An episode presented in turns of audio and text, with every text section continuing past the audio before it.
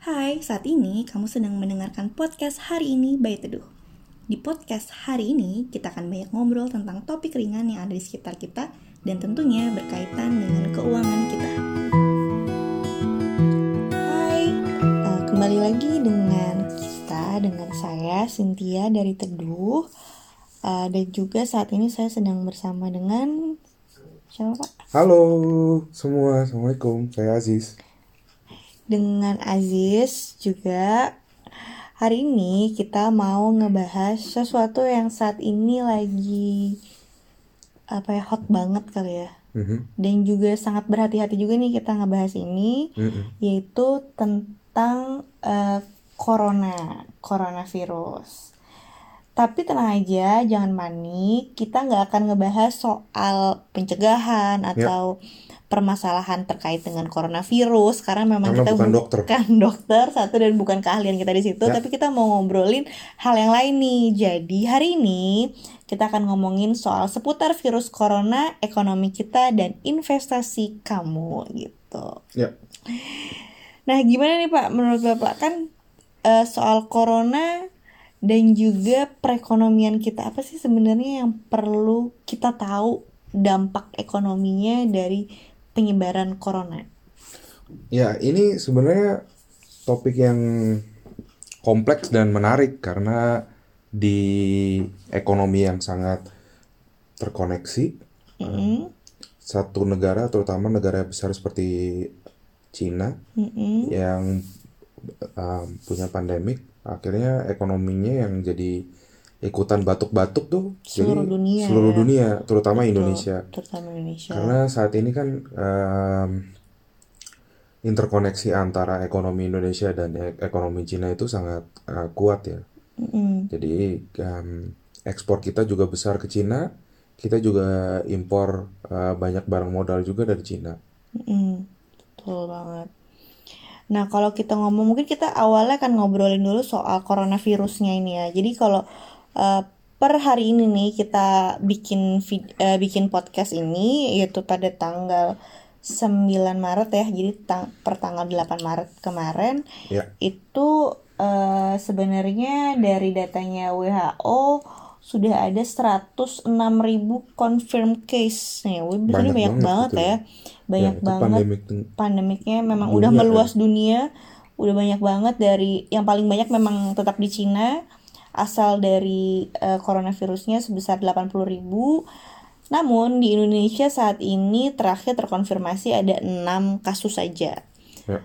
Tapi kan sebenarnya walaupun uh, eh, 6 kasus saja itu kan bukan berarti tidak berdampak kan. Ya. Kita sudah melihat nih dalam uh, beberapa minggu terakhir bahkan sejak satu minggu yang lalu presiden kita Pak Jokowi mengumumkan pada hari Senin uh, awalnya ada dua orang uh, positif corona kemudian nah, punya tuh. dampak ekonomi yang sangat signifikan ya. terlihat dari IHSG yang kemudian turun pada saat itu dan juga pelemahan kurs rupiah tapi mungkin kita nggak akan ngobrolin ya. soal itu dulu ya kita ya, pertama mau ngomongin soal uh, dampak ekonominya dulu nih terkait dengan corona gitu. Jadi nggak kita kan nggak akan langsung ngebahas ke IHSG kita akan langsung ngomongin ke dampak ekonominya dulu. Menurut bapak apa sih yang pertama nih ketika kita ngomongin corona Cina sudah melakukan perlambatan ekonomi gara-gara penyakit tersebut apa yang paling berdampak buat ekonomi kita di Indonesia?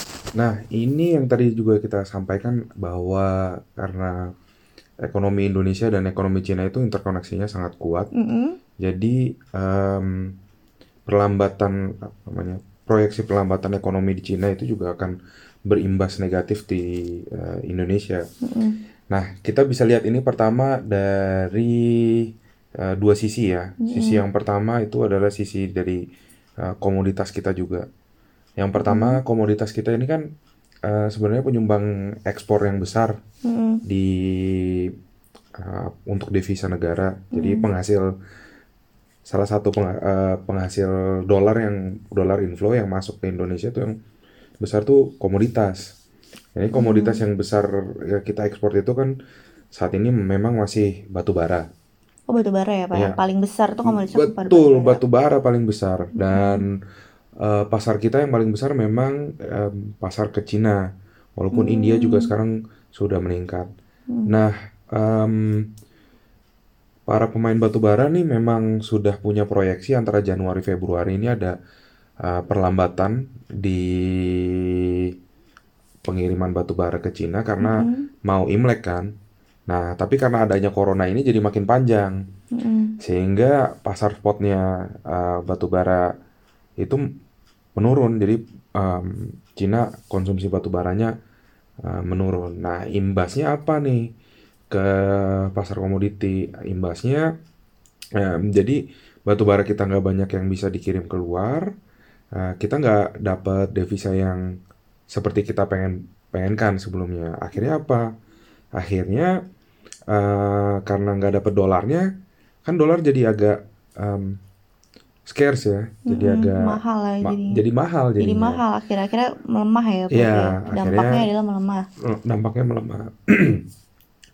Berikutnya juga kan kita bisa lihat dari sisi perlemahan um, demand juga, demand apa yang lemah demand yang paling kelihatan lemah itu adalah demand dari sektor pariwisata kan hmm. karena banyak imbauan untuk uh, tetap di rumah hmm. um, mengurangi aktivitas sosial hmm. sehingga kita lihat banyak sekali um, cancellation atau pembatalan dari uh, perjalanan oh, terutama perjalanan-perjalanan yang tidak penting gitu. Contohnya bahkan misalnya. yang kayak kemarin minggu lalu itu yang soal haji ya. Eh umroh ya. Umroh. Umroh itu kan pembatalannya jadinya besar sekali cukup pasti besar, dampaknya ya, impactnya cukup besar. Mm -hmm. jadi beberapa uh, perusahaan umroh juga uh, kita lihat bisa dibayangkan itu ya cash flow-nya juga agak Nah, batuk-batuk juga. Batuk dong, misalnya harus harus refund misalnya kalau Betul. tidak jadi berangkat kan pasti mereka tersendat juga dari sisi cash flow. Ya, kalau dilihat itu yang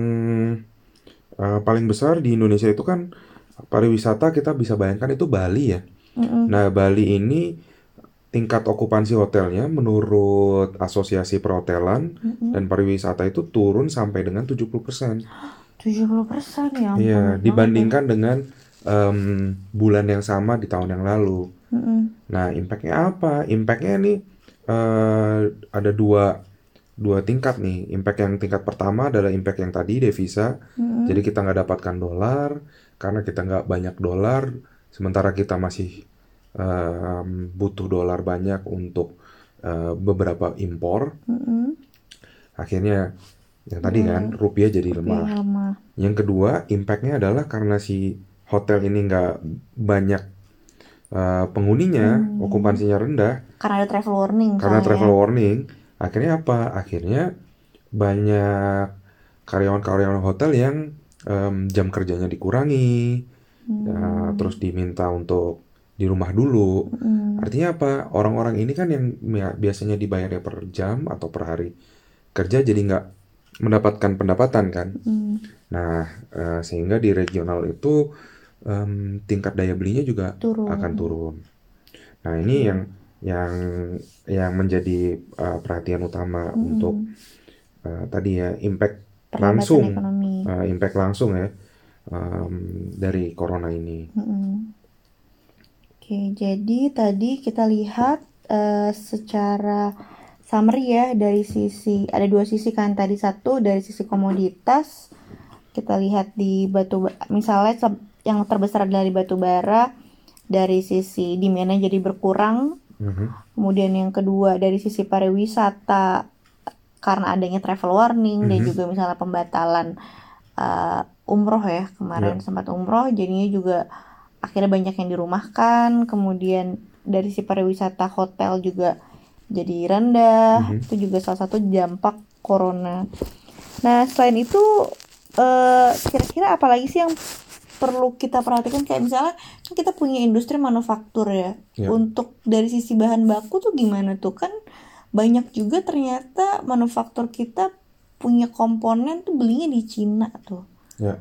Nah dengan adanya dampak corona ini kan pasti ada perlambatan dalam pengiriman barang misalnya atau ya. justru karena permasalahan devisa akhirnya melemah rupiah kita juga jadi mahal tuh kan jadi untuk membeli bahan baku itu kan juga jadi problem ya sepertinya yang yang sebenarnya perlu diperhatikan adalah nanti kalau misalnya mau lihat saham lagi ya mm -mm. kembali ke pemilihan saham itu adalah melihat uh, tingkat hutang dari perusahaan-perusahaan ini karena banyak perusahaan-perusahaan ini yang hutangnya juga nominasinya kan dalam dolar sementara okay. mereka uh, perdagangannya itu mereka dapat uangnya itu kan dalam rupiah. Dalam rupiah. Sementara dolar harganya sedang naik dan uh, cash flow mereka juga lagi batuk-batuk, ini akan jadi uh, ya perhatian utama ya mm -hmm. untuk memilih saham. Jadi kalau sahamnya apa namanya perusahaannya itu um,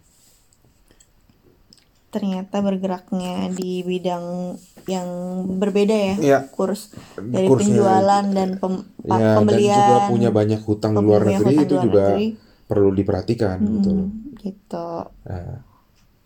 jadi memang apalagi ya? Banyak soalnya. Ini karena terlalu luas sih sebenarnya kompleks, memang kompleks banget. Karena ujung-ujungnya memang uh, um, apa ya menyebar ke berbagai sektor ya sepertinya. Iya kita bisa lihat. Dan yang biasanya kita lihat ini kan juga sebenarnya baru gejala nggak sih? baru first phase. Jadi kalau ada shock gitu kan biasanya kalau ada ada apa namanya kayak ini ya kayak cambuk ya. Oh, di whipnya besar dulu hmm. tapi uh, seterusnya juga nanti ada ripple efeknya mm -mm. tapi uh, walaupun kelihatannya grim banget nih sebenarnya ada sedikit angin optimisme di di pasar.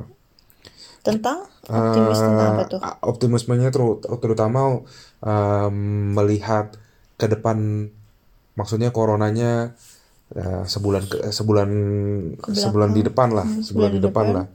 Jadi kan kalau kita lihat juga uh, harga acuan batu bara di bulan Februari itu sebenarnya naik ya. Mm -hmm. Ini udah beberapa bulan ke belakang itu kan turun terus. Nah, mm. ini mulai mulai naik. Artinya apa ya? Mudah-mudahan kalau coronanya sudah uh, lewat, um, factory-nya udah mulai nyala lagi, pengiriman udah mulai lancar, uh, devisanya mulai masuk lagi, rupiahnya mulai stabil. Mm. Terus yang kedua kita lihat juga spot transaction frekuensi di gas dan coal di Cina juga perlahan udah mulai naik. Sudah banyak ada aktivitas ekonomi yang mulai uh, berjalan lah di Cina lah. Uh, jadi factory-factory itu apa namanya pabrik-pabrik itu juga udah mulai uh, berjalan seperti biasa. Jalan lagi, belum seperti biasa tapi mulai jalan lagi. Mm -hmm. Jadi uh, kita akan bisa melihat adanya possibility untuk kenaikan ini ya, kenaikan uh, pengiriman komoditi. Mm. Yang ketiga nih yang penting, um, The Fed beberapa hari yang lalu kan juga memangkas suku bunga ya. Mm -hmm. Artinya apa nih? Oh gitu, okay. Ya, jadi kalau The Fed memangkas suku bunga kan karena suku bunga kita juga lagi uh, masih lumayan tinggi. Berikutnya rupiahnya juga masih rendah. Pasar kita juga jadi semakin atraktif. Jadi mudah-mudahan ada angin segar di bursa nih bulan eh, minggu ini atau bulan ke depan. Hmm. Karena kalau kita lihat kan minggu lalu itu dari tanggal 2 sampai tanggal 6 itu kan um, apa ya masih seperti panik ya. Iya panik karena kan sejak diumumkan oleh Bapak Presiden kan memang uh, reaksinya negatif ya dari ya. sisi kita bisa lihat kalau dari sisi pasar ya maksudnya uh, konsumsi masyarakat aja panik gara-gara masalah masker itu udah kelihatan tuh yang paling ya. kelihatan komoditas padahal sebenarnya juga yang lainnya akhirnya berimbas nih ke mana-mana hmm. jadinya ya memang sulit juga ya kita juga kalau dipikir-pikir tuh mungkin juga dampak sosial media udah ya, memang betul. sudah dipantau dari sebelum bapak presiden mengumumkan itu dan kemudian jadi akhirnya kita tidak tahu nih harus bereaksi apa sih dengan ya. pen keberadaan penyakit ini gitu apalagi dengan cerita-cerita ya. uh, kematian dan sebagainya ya. gitu kan mungkin reaksi masyarakat jadi bingung mau apa ya harusnya gitu ya sebenarnya kan juga um, kalau kita lihat kan uh, Indonesia sendiri itu lumayan apa ya lumayan punya kapabilitas yang tinggi untuk uh, kon, apa namanya mengkonten ini ya pandemik ini kita punya pengalaman dari mulai SARS, terus setelah itu ada juga flu unta beberapa tahun yang lalu. Mm -mm. Nah itu uh, Indonesia lumayan oke okay lah. Jadi sebenarnya uh, dan kita juga punya banyak pulau. Jadi kalau misalnya ada ditaruh di satu pulau gitu. Sama juga ya tiba-tiba ada yang ini di diasingkan gitu maksudnya. Cuma ya itu uh, kelihatan nih Indonesia tuh masih punya resiliensi yang tinggi untuk um, terlihat dengan sedikitnya lebih sedikit kasus ya. Iya. Nah, maksudnya dibandingkan dengan misalnya Cina, Korea gitu. Bahkan di negara-negara Eropa sekarang iya, yang sudah mulai betul. meningkat di sangat tinggi gitu. Jadi kita saat ini sedang tinggal di Belanda dan kasusnya tuh sejak 27 Februari diumumkan kasus pertama sampai saat ini sudah mencapai 200 ya. 65. 265. Bayangkan aja 265 gitu. Tapi kalau di Indonesia masih masih kita optimis di 6 semoga tidak yeah. lebih banyak lagi. Uh, nah yeah. tapi kan kita nggak mau ngomongin soal itu. Ya tadi kita udah bilang memang dari sisi ekonomi sudah pasti dampaknya banyak banget. Kita tadi bahas di tiga bagian yaitu di uh, komoditas di manufaktur dan juga pariwisata.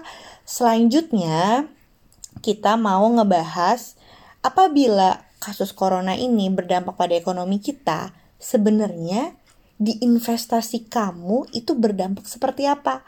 Nah, yeah. kita akan lanjutkan obrolan ini di podcast berikutnya yeah. tentang coronavirus, dampak ekonominya tadi kita udah tahu, ingat-ingat tadi dampak ekonominya apa aja di tiga bagian itu dan terus apa yang harus kita lakukan mengenai ini di investasi kamu. Tunggu ya. Terima kasih telah mendengarkan podcast kita hari ini. Terima kasih. Bye. Ciao.